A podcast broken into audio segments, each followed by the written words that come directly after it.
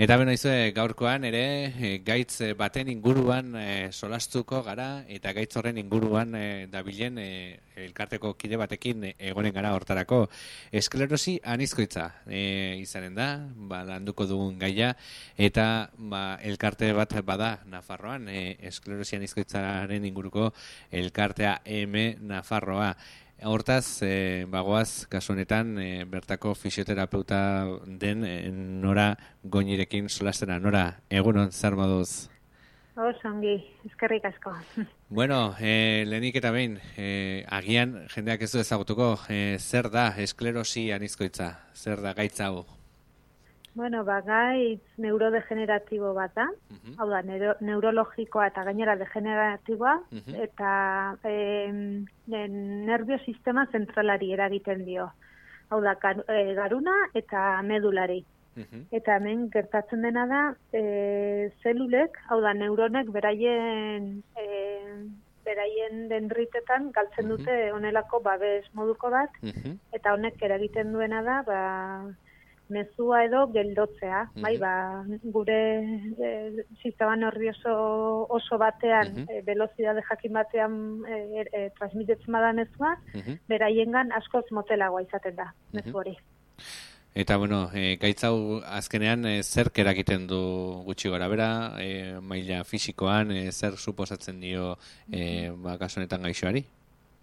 Bai, ba, bueno, oso anitza da, bai, mm izenak berak esaten duen bezala, mm nervio sistema intzabala denez, ba, eragin fisiko, psikologiko eta, bueno, asko eduki dezake, baina, hola, orokor, sintoma orokorrenak izango lirateke, ba, indar falta, nekea, e, biztaldetik ba, agian bikoitza ikusten dute, mm sensibilizazio arazoak, bueno, horrela, horrela da sintoma pila-pila batekin. Mm Eta, bueno, hortaz, e, zuek hortan jarduten duzue, e, nola sortu zen elkartea, edo nola lan egiten du e, hemen alfarroak elkartea? Bai, ba, sortzez, bueno, berez, bazkideen elkarte mm bada, bai, gaixoan elkarte bada, orduan, e, orain dela hogeita bost urte sortu zen, mm ba, beraiek zituzten beharrek, beharrak asatze, asetzeko asmorrekin. Mm Hogei eta bost urteko e, ibilbide honetan, ba, bueno, e, hobekuntza izugarriak ere egon dira, eta gero eta haundiagoak bilakatzen ari gara. Eta gaur egun, ba, ematen dugun arreta gutxi gora bera, e, bueno, bi blokea honditan banatu genezake. Alde batetik eguneko zentro bat daukagu, eta bertan gaixo, gaixotasuna okerrago daukatenak edo gongo lirateke, bai, ba, dependienteagoak direnak, eta horrena.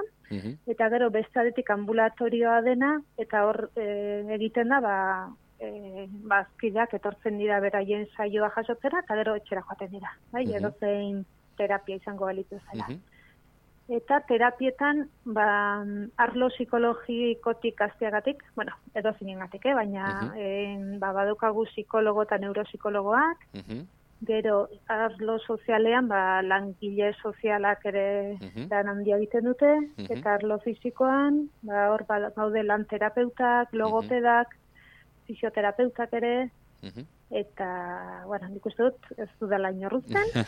bai, ah, bai, bai eritzainare badaukagu, orain dela gutxi zertu dela lantaldean, eta bai, hori, hori izango litzateke pixka bat.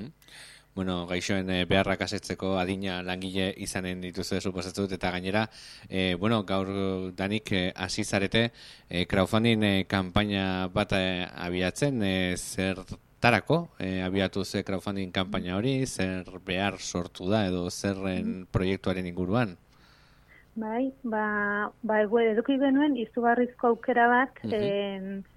Madrildik etorri zitzaizkigun e, bueno, ba, aditu batzuk uh exoeskeleto bat aurkezten. Uh Bai, exoeskeleto bat hau da robot bat, gure gorputzera lotzen den robot bat, eta honek ba, algian gurpildun alkian dagoen pertsona bati, ba, zutik jarri eta mm, ibiltzea albideratzen dio.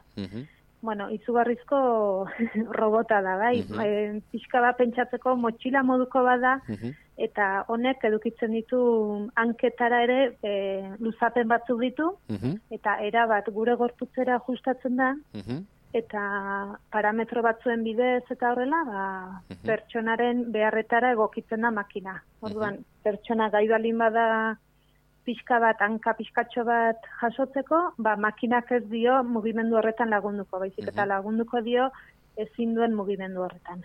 Eta ba, proba hau, amar pertsonekin edo egin genuen, e, bueno, gaixotasunaren maila ezberdinetan zeudenak, eh? batzuk uh gaiziren ba, bastoiekin ibiltzeko, baina oso oreka txarrarekin, beste batzuk, ba, agian amar urte ematen zuten e, be, bari, ba, bost pauzu baino gehiago amateko, eta ikusi genuen, ba, horrelako saio batek, ba, hogei minuto edo hogei minutoko terapia batek izugarrizko onurak ekartzen zizkiela gaixo hauei.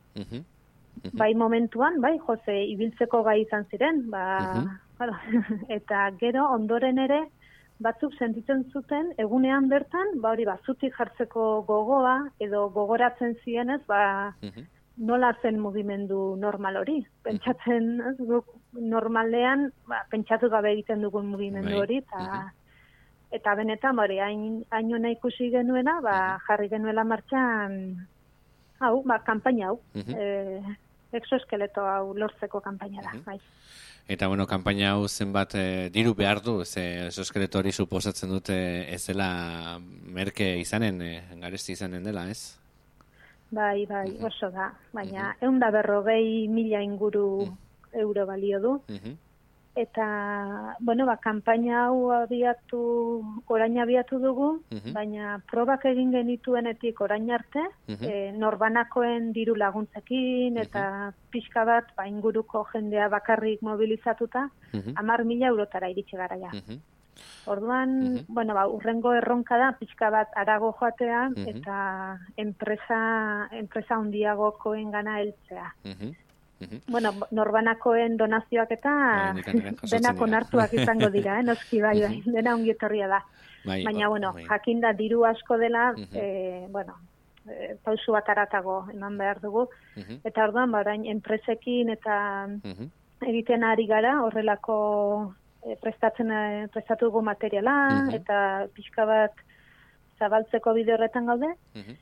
Eta edo nola ere, ba, gure, gure web horri aldean, ba, hor mhm. dago informazio guztia bai, ba, irratiko entzulen bat animetuko balitz, ba, hor edukiko luke pixka bat nola ginaiteken edo, edo zar. Hori, hori galdetu behar nizun, e, bueno, norbaitek diru laguntza eman nahi izan ez gero, e, non e, dugu e, informazioa edo nola egin dezake?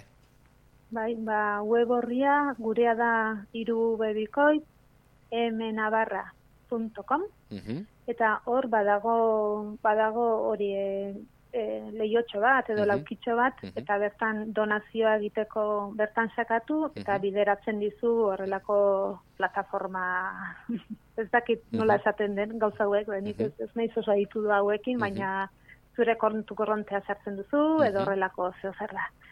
Bai. Eta gero ere, iruña inguruan, eta horrela, bai, e, zeinbait komertziotan, ja jarrita ditugu horrelako itzetxu batzuk, ba, bueno, laguntzeko. Así uh -huh. zuen herrialde inguruetan ere beste komertzio, uh orain ez dira momentu berenak, baina bueno, muy. komertzio bat temat presbalegoke, ba, berri, gurekin harremanetan jarri eta uh -huh. moldatuko ginateke. Ba, bueno, erronka ez da makala, horre, unda berrogita mar mila euroko erronka bada, e, hori onurak sekulakoak dira, aipatu diguzunagatik. E, bakarrik geratuko litzegokeen ora, zer esango zen joke gure entzulegari, ba, animatu daitezen eta ba, hoi, beraien laguntza eman dezaten e, kontu honetan ere bai. Bai, ba, ba, egi, e, ba egitan izugarrizko e, onura dela, guk e, e, elkartean ba, ba, urtzean iristen gara bos mila zaio inguru egitea. Eta karo, ba, pentsatu horrelako gauz batek ez, ba, bos mila hortan lortzen dugun benefizioa ba, onelako gauz batekin askoz denbora gutxiagoan lortuko genuke. Eta gainera ba, jende gehiaron gaiagoren gana ere iristea albideratuko liguke bai. Orduan, ba, bueno, ba, ba, orain gabonak heldu direla, eta bizka bat, solidariago bilakatzen garen honetan, ba, ba, bueno, bintzat, bueltatxo bat emateko gure web horritik, ea, uh -huh. beste zenbait gauz interesgarri ere aurkitu zozketela, eta, uh bueno, ba, ba animateko. Uh Ba, nora goini, mi esker gurean mm egotaitik, eta mi esker ere egiten duzuen lan horrengatik, eta bixe, ba, ber jendea animatzen den laguntzera besarka da honi bat, eta segiongi. Ba, eskerrik asko zuai.